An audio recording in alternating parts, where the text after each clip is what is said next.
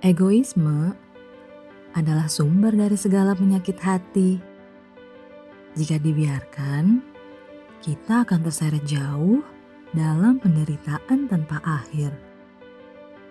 Lalu, bagaimana kita menaklukkannya? Langkah pertama, kenalilah si ego itu sendiri. Kenali dengan berdiam diri. Saat ego naik, kita harus mengenali dari mana asalnya.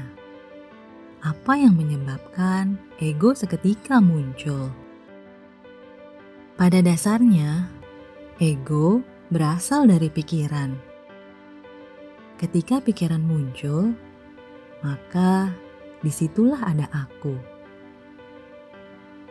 Dan saat kita menaruh aku dalam segala sesuatu, di situlah awal hadirnya penderitaan karena ada kepentingan aku di dalamnya. Gak heran kita akan kecewa ketika apa yang kita dapatkan gak sesuai dengan apa yang kita prediksikan atau kita ekspektasikan. Sayangnya, ego juga gak bisa diberantas karena ego berasal dari pikiran kita dan pikiran merupakan bagian dari diri kita sendiri. Satu-satunya cara untuk meredam ego adalah dengan banyak berdiam diri untuk menyimak gerak si pikiran. Lakukan banyak perenungan, lalu perhatikan pikiran-pikiran yang bermunculan.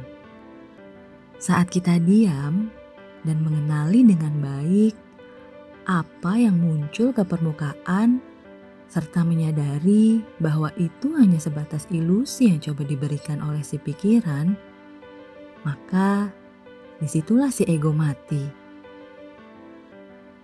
Jangan ikut sertakan batin untuk menanggapi segala yang muncul di pikiran.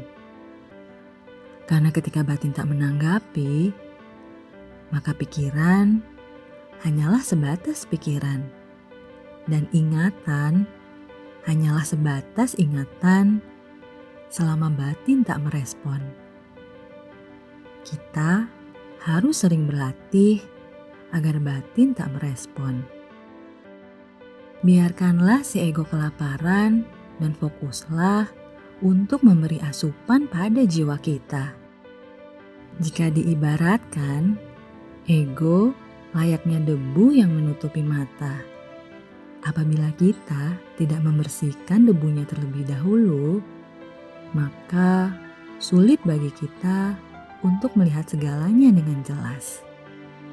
Jadi, bersihkan ego dan lihatlah dunia